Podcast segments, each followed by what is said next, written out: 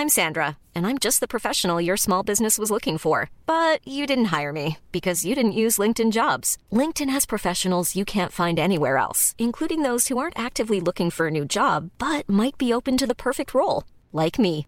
In a given month, over 70% of LinkedIn users don't visit other leading job sites. So if you're not looking on LinkedIn, you'll miss out on great candidates like Sandra. Start hiring professionals like a professional. Post your free job on linkedin.com/people today. Many of us have those stubborn pounds that seem impossible to lose, no matter how good we eat or how hard we work out. My solution is PlushCare. PlushCare is a leading telehealth provider with doctors who are there for you day and night to partner with you in your weight loss journey. They can prescribe FDA-approved weight loss medications like Wagovi and Zepbound for those who qualify. Plus, they accept most insurance plans. To get started, visit plushcare.com slash weight loss. That's plushcare.com slash weight loss. Millions of people have lost weight with personalized plans from Noom, like Evan, who can't stand salads and still lost 50 pounds. Salads, generally, for most people, are the easy button, right? For me, that wasn't an option. I never really was a salad guy. That's just not who I am. But Noom worked for me. Get your personalized plan today at Noom.com. Real Noom user compensated to provide their story. In four weeks, the typical Noom user can expect to lose one to two pounds per week. Individual results may vary. Palmemordet. Mordet i media, del 3. Sveriges statsminister Olof Palme är död. 90 000. Ja, det är mord på Sveavägen. Hörde de säger att det är Palme som är skjuten. Mordvapnet med säkerhet är en Smith Wesson, en revolver kaliber .357. Inte ett svar. Finns inte ett svar. För jag har inget. Och jag har inte varit Varför skulle jag göra Polisen söker en man i 35 till 40-årsåldern med mörkt hår och lång mörk rock. Välkomna till podden Palmemordet som idag görs av mig, Tobias Henriksson på PRS Media. Om du gillar den här podden och vill höra mer av mig och Dan, gå gärna in på patreon.com palmemordet och donera en summa som podden får per publicerat avsnitt. Det är alltså patreon.com palmemordet. Det går också att donera via Swish. Kontakta oss i privat meddelande på facebook.com palmemordet för att få numret. Idag släpper vi tredje delen i vår serie om vad media skrev och sa om mordet dagarna, veckorna och månaderna efter den 28 februari 1986. I första avsnittet tittade vi på själva morddagen, medan andra avsnittet fokuserade på spaningsarbetet den första tiden, men också hur svenska folket, och givetvis Olof Palmes närmaste, påverkades av det som hänt. Idag fortsätter serien med en del 3. Vi är fortfarande väldigt nära i tid till själva mordet, och det är ytterst medvetet. Vi vill ge en bild av hur tidningarna rapporterade och hur vittnesmålen skiljer sig mot numera kända fakta. Det kan också vara intressant att se hur de olika tidningarna skildrar samma händelse. Vi börjar med en artikel ur Expressen från den 2 mars 1986. Artikeln är skriven av Peter Kadhammar, numera kolumnist på Aftonbladet. Rubrik Sista minuterna Lisbet berättar. Slutrubrik. Ingress. Jag trodde några barn lekte med smällare. Jag vände mig till Olof för att kommentera det. Då såg jag hur han sjönk ner, han blödde ur munnen och bröstet. Lisbeth Palme har nu berättat för polisen vad som hände när Olof Palme sköts till döds i fredags. Expressen har tagit del av förhörsprotokollet. Slutingress. Det tog närmare ett dygn innan Lisbeth Palme orkade tala ingående med polisen. Våldsroteln vid Stockholmskriminalen, som ansvarar för mordutredningen, ser Lisbeth Palmes vittnesmål som den viktigaste pusselbiten i jakten på mördaren. Igår, omedelbart efter mordet, förmådde Lisbeth Palme inte berätta vad som hänt. Hon sa endast att mördaren hade mörka byxor, mörkblå täckjacka och att han var cirka 180 cm lång. Ny rubrik Berättelsen. Klockan halv fyra igår eftermiddag tog Lisbeth Palme emot några kriminalpoliser i hemmet på Västerlånggatan i Gamla stan. Detta är hennes berättelse.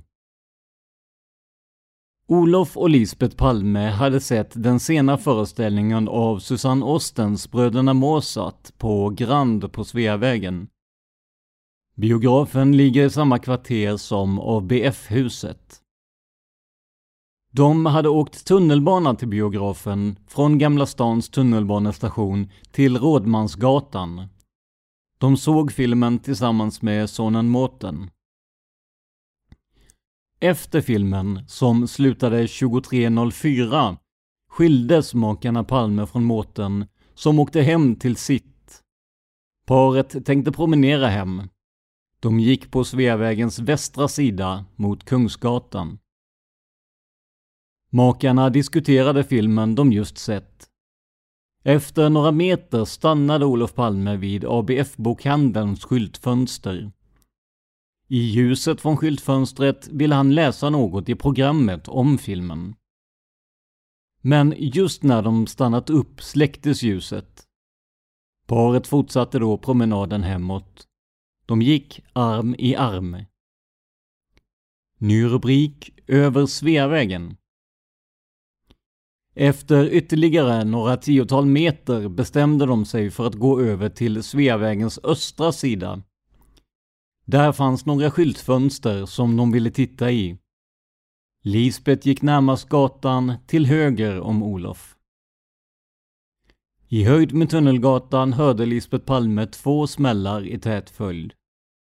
Jag trodde det var barn som lekte. Hon vände sig till maken för att kommentera smällarna.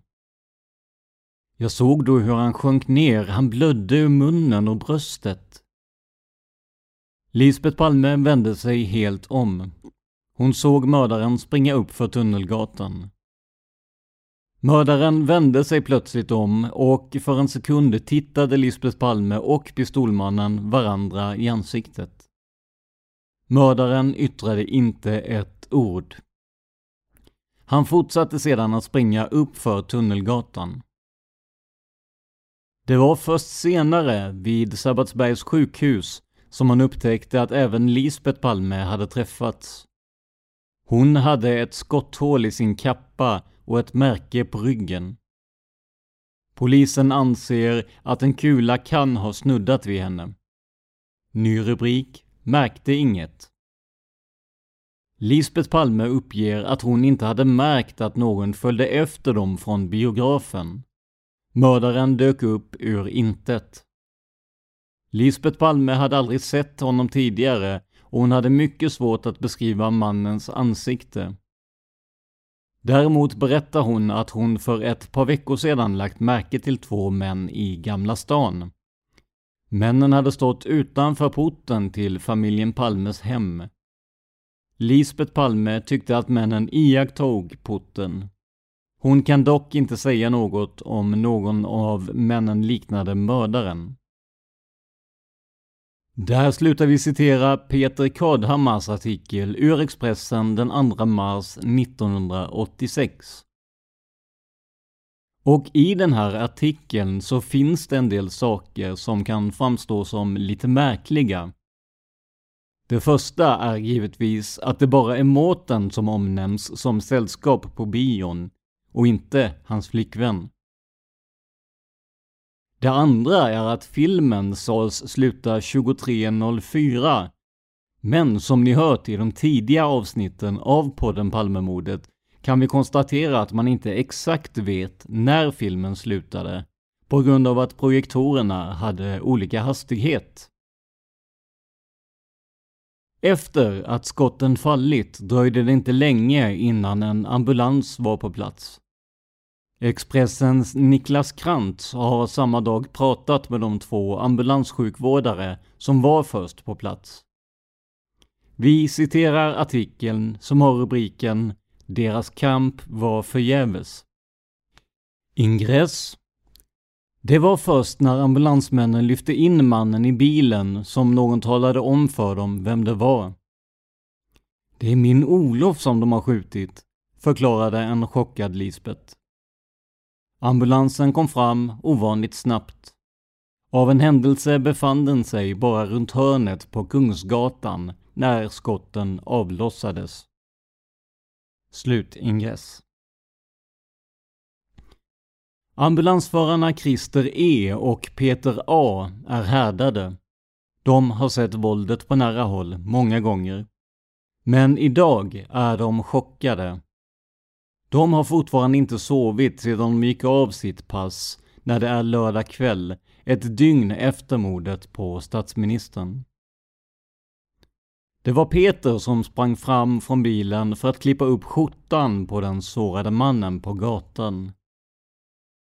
Jag fick upp skjortan, såg kulhålet i bröstet på honom och hur blodet pulserade, berättar Peter. Under tiden gav Christer syrgas och kontrollerade pupillerna. Palme var redan bortom medvetande.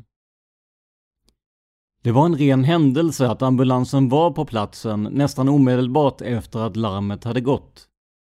Christer och Peter hade lämnat en patient på Sankt Görans sjukhus och rullade hemåt. De tog en omväg över Kungsgatan för att titta på stan. Vid korsningen Sveavägen-Tunnelgatan blev de stoppade av polisens blåljus. Vi trodde det var en vanlig misshandel, berättar Christer.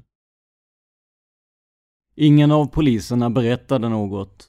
De var upptagna med att förhöra folk.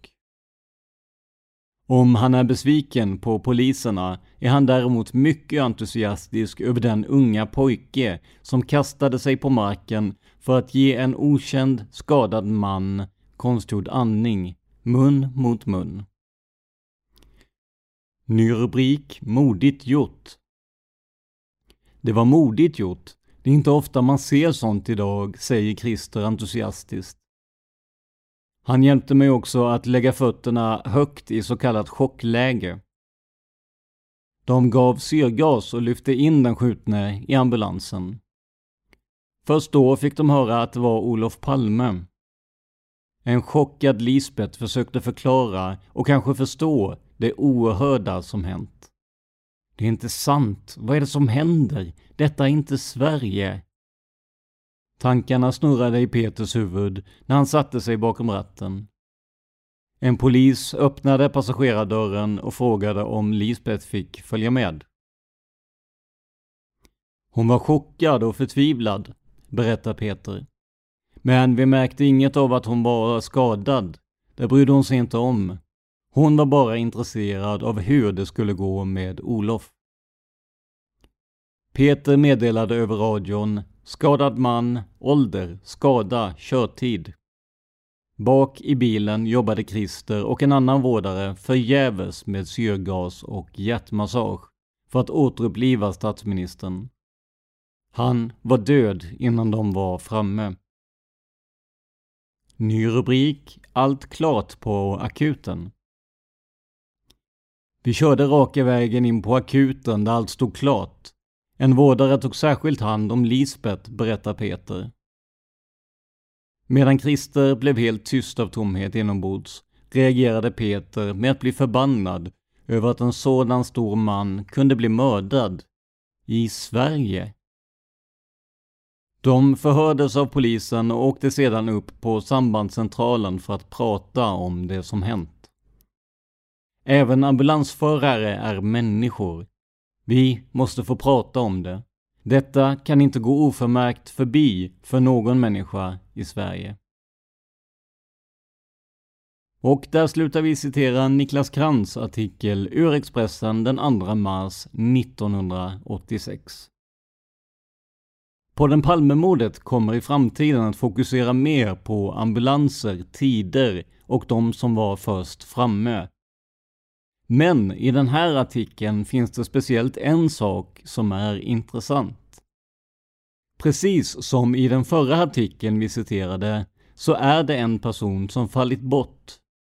Ingenstans nämns nämligen Anna Hage. För det var ju Anna Hage som tillsammans med Stefan G försökte hålla liv i Olof Palme tills det att ambulanspersonalen tog över. Här intervjuas hon i Länstidningen den 2 mars 1986. Och artikeln är skriven av Martin Klepke. Rubrik Anna kämpade för Olof Palmes liv. Ingress Södertälje. Anna Hage kämpade länge för att rädda Olof Palmes liv. Efter polisens utfrågningar sov hon över hos en kamrat i Stockholm och kom först igår kväll hem till Södertälje. Det hela känns så overkligt så här efteråt. Till och med polisen skakade när han skrev upp mitt namn och min adress, säger Anna till LT. Slut ingress. Anna Hage, 17 år och bosatt i Södertälje, hade varit på bio när hon såg Olof Palme som just sjunkit ihop på trottoaren. Anna berättar. Vi var på väg till Centralen där min bror skulle hämta mig när jag såg en man på gatan. En kvinna och en ung man hukade sig ner över honom och jag förstod att det hänt något alldeles nyligen. När vi svängde runt såg jag att en man sprang iväg in på en sidogata. Ny rubrik visste inte. Anna visste inte då att det var Olof Palme hon rusade ut för att hjälpa. Istället tänkte hon bara på att utnyttja den kunskap om vård hon har. Hon går andra året på Tälje gymnasiets vårdlinje. Min första impuls var att det kunde vara hjärtinfarkt och jag kollade både hals och armpuls på mannen men kände ingenting. Då vet jag att man bara har någon minut på sig att få igång hjärtat igen och jag la mannen på rygg för att ge honom hjärtmassage. Anna gav Palme en kraftig hjärtstöt. Det är ett kraftigt slag mot hjärttrakten för att genom chockverkan försöka få hjärtat att slå. När det inte hjälpte gav hon hjärtmassage. Ny rubrik Blod ur munnen. Jag la båda händerna på hans bröst och gav 15 hjärtkompressioner. Samtidigt försökte den unga mannen ge honom konstgjord andning. Men det rann hela tiden blod ur munnen och jag försökte istället med ytterligare hjärtmassage, säger Anna. Strax efteråt kom polis och ambulans till platsen. Först när polisen frågade Palmes hustru Lisbeth om hennes identitet gick det upp för Anna vem mannen var som hon gav hjärtmassage. Lisbeth Palme var väldigt chockad och ropade Ser ni inte vem det är? Jag är Lisbeth Palme. Olof har blivit skjuten. Strax därpå hade många människor kommit till platsen. Anna Hage fick följa med till polishuset för utfrågning om vad som hänt. Jag var lugn och sansad hela tiden och tänkte bara på att räkna rätt under hjärtmassagen. Men på väg till kriminalen började jag inse vad som hänt. Då kom chocken. Ny rubrik Fattar inget. Anna åkte hem till sin kamrat och dennes föräldrar i Stockholm och låg där över natten. De la Annas blodiga kläder i blöt drack te och pratade om vad som hänt. Det är väl ingen som riktigt fattat det ännu. Inte heller jag. När jag tänker på mannen som låg där livlös på trottoaren kan jag tänka mig att han är död. Men inte Olof Palme. Han är en man som man ser på TV och bilden av honom är så väldigt långt borta ifrån vad som hände i natt, säger Anna Hage. Där slutar vi citera artikeln om Anna Hage från Länstidningen den 2 mars 1986. Men vi fortsätter på samma tidning från samma dag. För bara ett par sidor tidigare skriver reportern Lars Hansson en artikel som tyder på att mordet skulle vara planerat. Låt oss se vilken substans den kan tänkas ha. Rubrik Polis igår kväll. Mordet var planerat. Ingress Stockholm Mordet på statsminister Olof Palme i centrala Stockholm sent i fredags kväll var noggrant planerat, inte ett vansinnesdåd. Det säger till FLT Press en källa inom polisen, väl insatt i rutinerna för bevakning av Sveriges två senaste statsministrar, Torbjörn Fälldin och Olof Palme. Slutingress.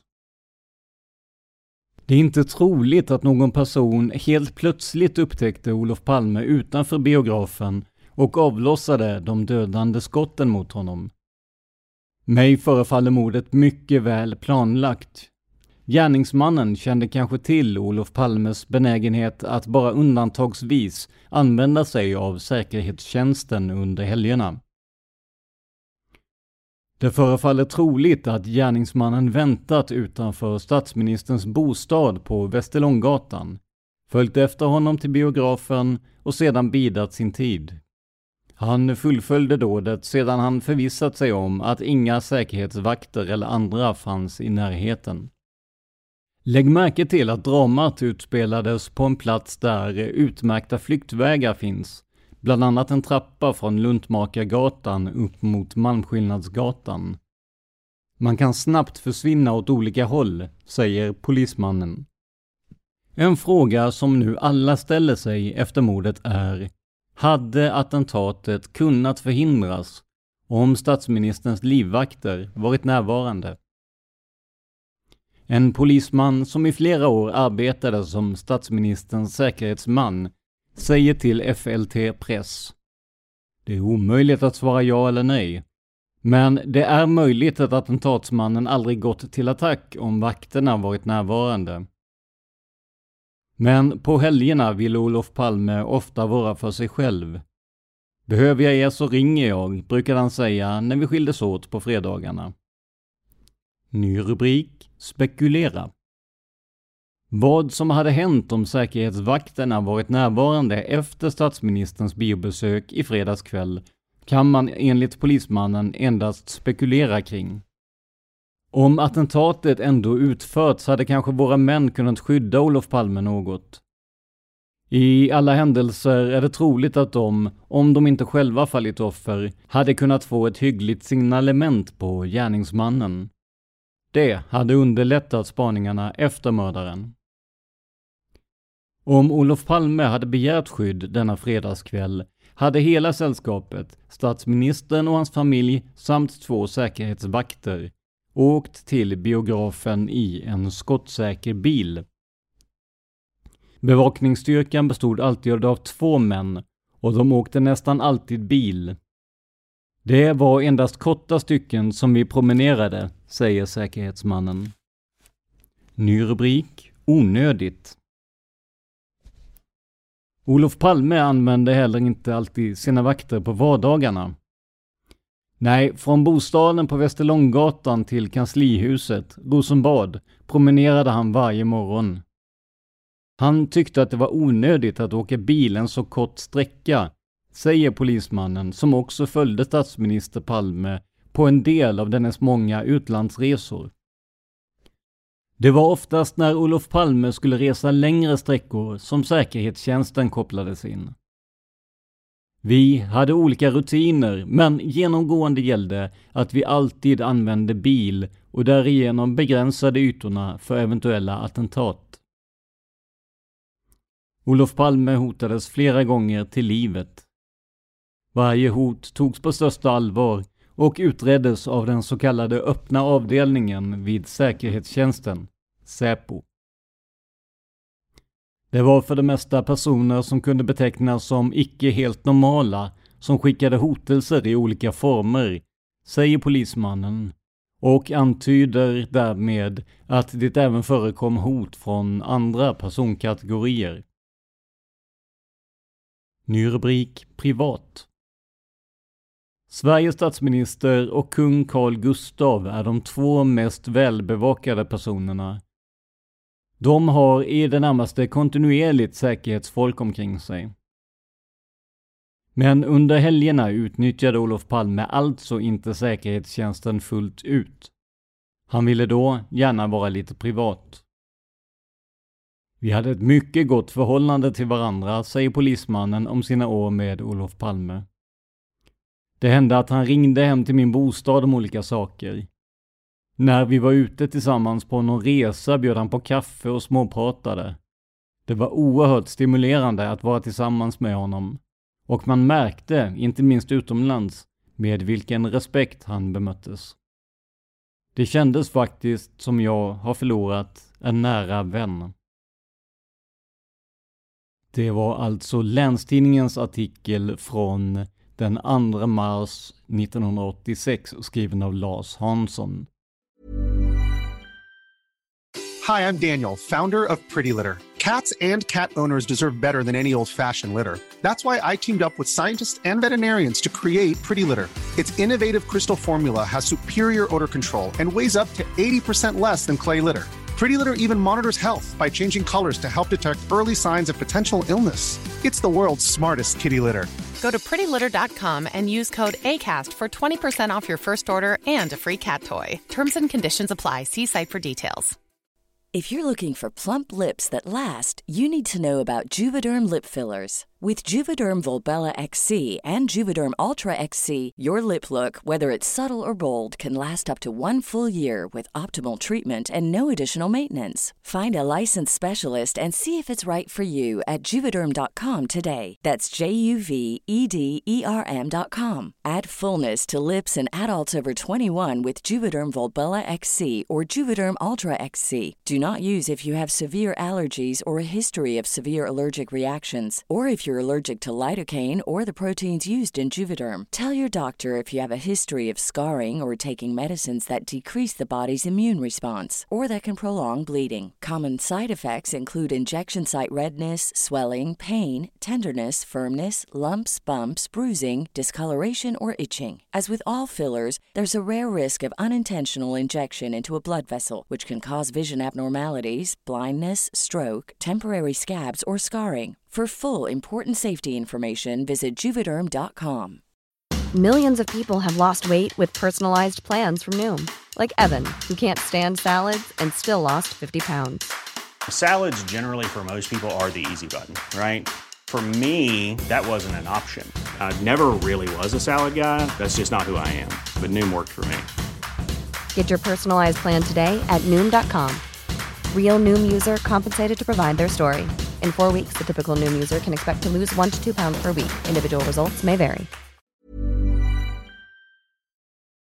Ni som följt med oss sedan början vet att vi pratade om RAF, Rote Arméfraktion, i avsnitt 13 och 14. De var ju snabba med att ta på sig mordet på statsminister Palme. Men hur rapporterade media om det här när uppgifterna kom in? Vi ska titta närmare på det nu i en artikel från Expressen den 3 mars 1986. Artikelförfattare är Tommy Schönstedt. Rubrik Han fick samtal från terroristerna. Ingress Detta är RAF. Vi har mördat er statsminister. Bara några timmar efter mordet på Olof Palme väcktes Peter T vid svenska ambassaden i Bonn av att telefonen ringde. När han lyfte luren fick han beskedet om att den fruktade terrorgruppen Röda arméfraktionen låg bakom mordet. Två omständigheter gör att polisen tar uppgiften på allvar. Samtalet kom så snabbt efter mordet den som ringde måste i förväg ha letat rätt på telefonnumren till fyra ambassadtjänstemän. Slut ingress. Telefonsamtalet kom klockan kvart i tre, drygt tre timmar efter skottet mot Olof Palme. Peter T, ambassadsekreterare i västtyska huvudstaden Bonn, berättar för Expressen. När jag svarat i telefonen frågade mannen vilket telefonnummer som han kommit till. Jag bekräftade att det var rätt. Han sa kort. Detta är RAF. Vi har mördat er statsminister. Ny rubrik. La på luren. Jag försökte då spela dum och vinna lite tid. Därför frågade jag vad RAF är. Men då sa mannen bara godnatt och la på luren. Sömndrucken la PTT på luren. Jag reagerade inte alls, jag visste ju inte vad som hänt i Stockholm. Jag tänkte inte så mycket på saken utan gick och la mig igen. Tidigt på morgonen satte jag på radionyheterna och fick då veta att Palme mördats, säger han till Expressen. Peter T hade den så kallade helgvakten på ambassaden. Klockan nio i lördags morse lämnade han familjens radhus och åkte till ambassaden. Där talade han med minister Sven Linder, andre man på ambassaden. Den ringde omedelbart UD i Stockholm, som ringde polisen i Stockholm. Sedan blev vi uppringda av polisen som fick veta allt om telefonsamtalet, säger T. Den som ringde var kriminalkommissarie Inge Reneborg. Under lördagen fick han veta att det ringt hemma hos ytterligare tre ambassadtjänstemän ungefär samma tid på natten. Ingen av dem hann dock upp för att svara. Dessa tre är pressrådet Göran L, ambassadsekreterare Bruno B och handelsrådet Anders O, vars fru var hemma och inte hann svara innan samtalet bröts. PTT säger Den man som ringde föreföll vara tysk. Han talade utan brytning. Det lät inte som om samtalet kom från någon telefonkiosk. Jag hörde inget typiskt klickande ljud. Högsta spaningsledningen bedömer uppgifterna om telefonsamtalet som mycket intressant. Det kom relativt snabbt efter mordet och fyra personer blev uppringda samtidigt. Det kan tyda på att mannen, som uppgav sig representera Röda arméfraktionen, förberett samtalet och skaffat telefonnumren. Ny rubrik Lista över diplomater. Jag står inte i telefonkatalogen. Däremot finns jag med i en lista över diplomater som finns i officiella papper här i Bonn. Det är inte särskilt svårt att komma över den listan, säger Peter T. Högsta spaningsledningen vid Stockholmspolisen och Säpo fick inte veta något om telefonsamtalet till T förrän igår kväll. Varför beskedet inte nått fram, trots att T förhördes i lördags, gick inte att klara ut i natt. Högsta spaningsledningen ringde till T sent igår kväll för att få samtalet med den påstådda ROF-mannen bekräftad. Det är oklart om bevakningen av ambassaden i Bonn kommer att utökas efter fredagsnattens telefonsamtal. De säkerhetsåtgärder som vi vidtar i Bonn kan vi inte uttala oss om, säger Herman G på UD. Polisens spaningsledning vill i natt inte kommentera telefonsamtalet från den man som påstod att RAF mördat Olof Palme. Där slutar vi citera Expressens artikel från den 3 mars 1986. Men ni som följer olika true crime-program och polisutredningar idag vet att Leif GW Persson ofta yttrar sig i de här frågorna. Så var det även 1986 när han intervjuades om just RAF-spåret. Den här artikeln är även den publicerad i Expressen den 3 mars 1986 och skrevs av Maria Ekstrand. Rubrik Stor chans hitta Palmes mördare. Ingress Är Olof Palmes mördare en välkänd terrorist blir det lättare för polisen att lösa brottet än om gärningsmannen är en vanlig människa som fått en knäpp. Det säger kriminologen Leif GW Persson. Slutingress. Hur ser Olof Palmes mördare ut? Enligt Leif GW Persson finns det i grova drag tre olika sorters gärningsmän. De som är politiska extremister, de som är psykiskt sjuka, en vanlig medelsvensson som retat upp sig och slagit över. Den första gruppen är lättast att hitta, säger Leif GW Persson. Säkerhetspolisen har tjocka pärmar med information om alla och de går igenom dem allihop samt kartlägger exakt vad de har för sig timmarna före och efter mordet. Ny rubrik avslöjar sig. De psykiskt sjuka brukar också vara lätta att hitta enligt kriminologen. Ofta är de inte tillräckligt vaksamma och avslöjar sig på så sätt, säger Leif GW Persson. Dessa människor har också vanligen ett behov av att berätta vad de gjort, antingen för vem som helst eller genom att höra av sig till polisen eller tidningar. Och här är den sista delen av artikeln så pass blurrig av, eh, av fotograferingen av artikeln att det blir svårt att läsa. Men Leif GW Persson säger att en man som inte är psykiskt sjuk men ändå skulle få för sig att angripa statsministern är den som är svårast att hitta. Därmed får vi avsluta citeringen av Expressen från den 3 mars 1986 och istället gå över på en av de stora tvistefrågorna. Det gäller vapnet som användes. För som bland annat Lars Borgnäs kunnat konstatera i sina dokumentärer går det med lite trixande att använda andra revolvrar än just en 357 Magnum. Men i tidningarna rapporterade man med stor säkerhet om det som uppgavs vara det korrekta vapnet. Här är en artikel från Expressen den 3 mars 1986 skriven av Petter Svensson. Rubrik Mordvapen med förödande kraft.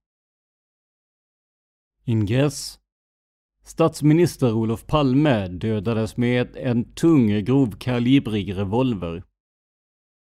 Mycket effektivt vapen, säger vapenexperten Lars-Yngve E, 43, till Expressen.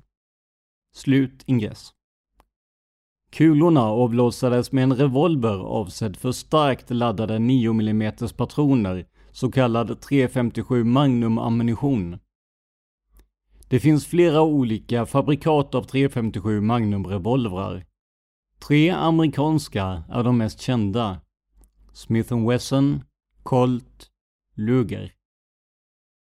Dessa revolvrar har samma egenskaper.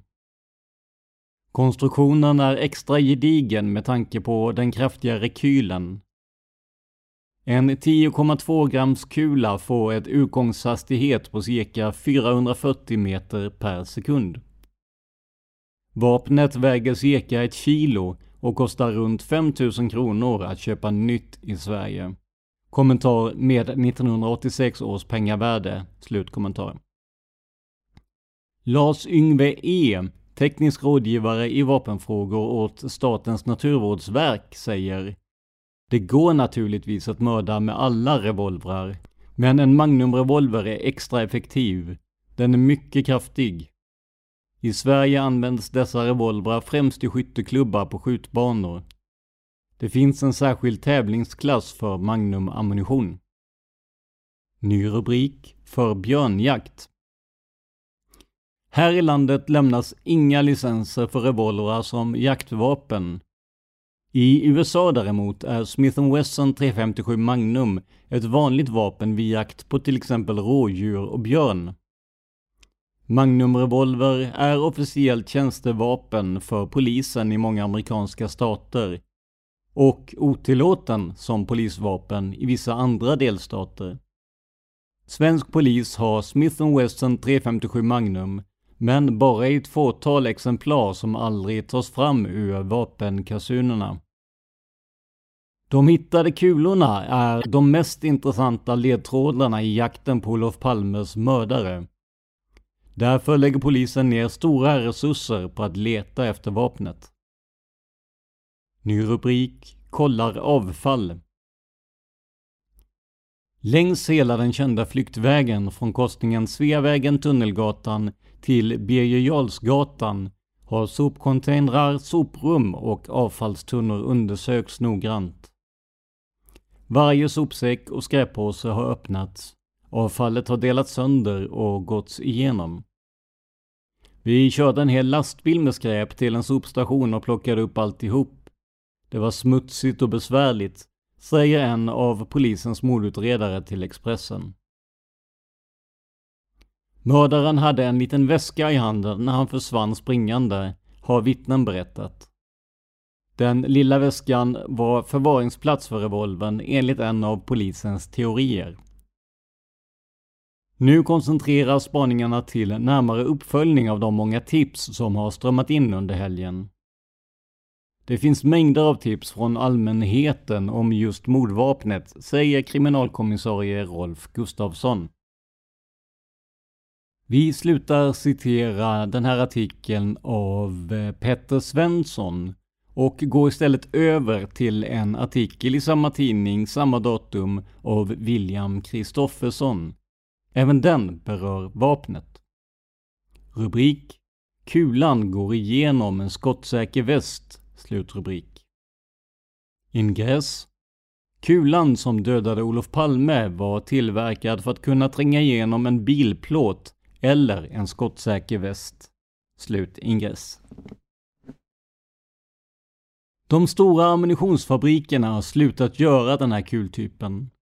Därför utgår polisen från att mördarens kulor antingen kommer från ett äldre parti ammunition eller är specialtillverkade.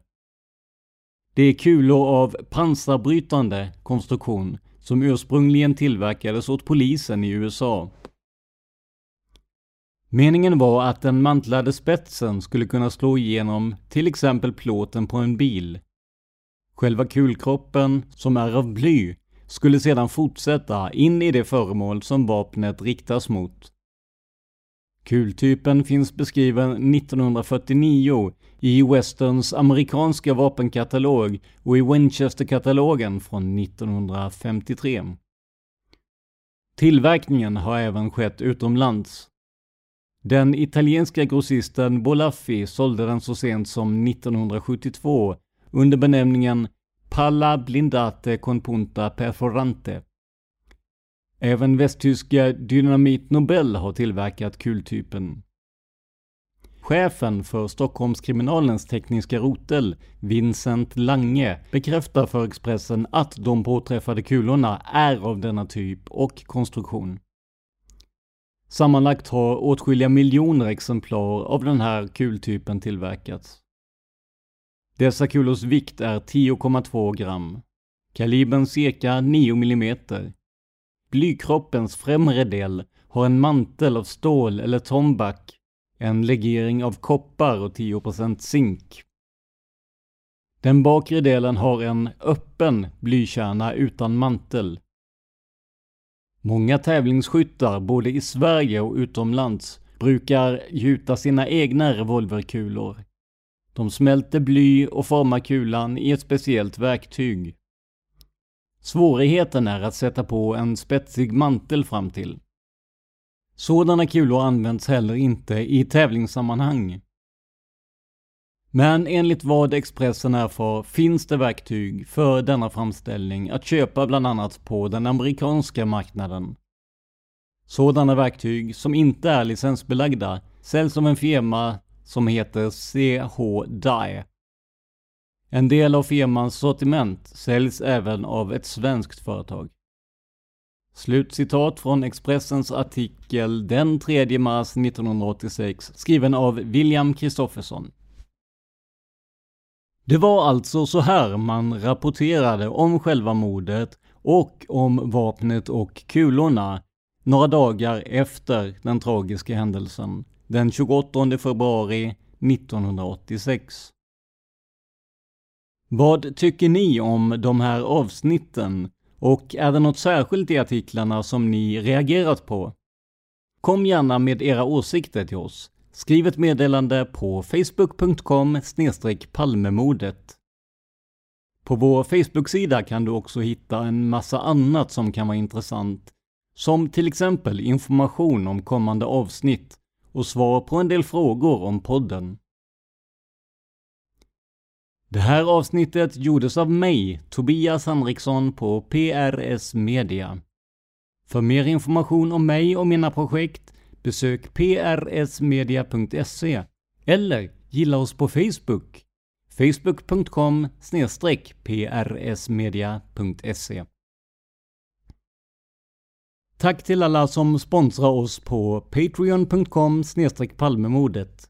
Och stort tack till dig för att du lyssnar på podden Palmemodet. Man hittar Palmes mördare om man följer PKK-spåret till botten.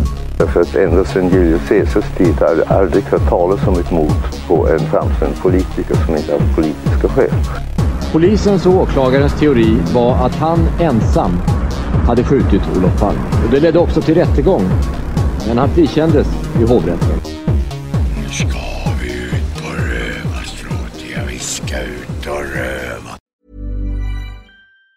Planning for your next trip? Elevate your travel style with Quince. Quince has all the jet-setting essentials you'll want for your next getaway. Like European linen, premium luggage options, buttery soft Italian leather bags, and so much more. And it's all priced at 50 to 80% less than similar brands. Plus, Quince only works with factories that use safe and ethical manufacturing practices. Pack your bags with high-quality essentials you'll be wearing for vacations to come with Quince. Go to quince.com slash trip for free shipping and 365-day returns. Hi, I'm Daniel, founder of Pretty Litter. Did you know cats tend to hide symptoms of sickness and pain? I learned this the hard way after losing my cat, Gingy. So I created Pretty Litter, a health monitoring litter that helps detect early signs of illness by changing colors, saving you money and potentially your cat's life. Pretty Litter is veterinarian developed, and it's the easiest way to keep tabs on your fur baby's health right at home. Go to prettylitter.com and use code ACAST for 20% off your first order and a free cat toy. Terms and conditions apply. See site for details.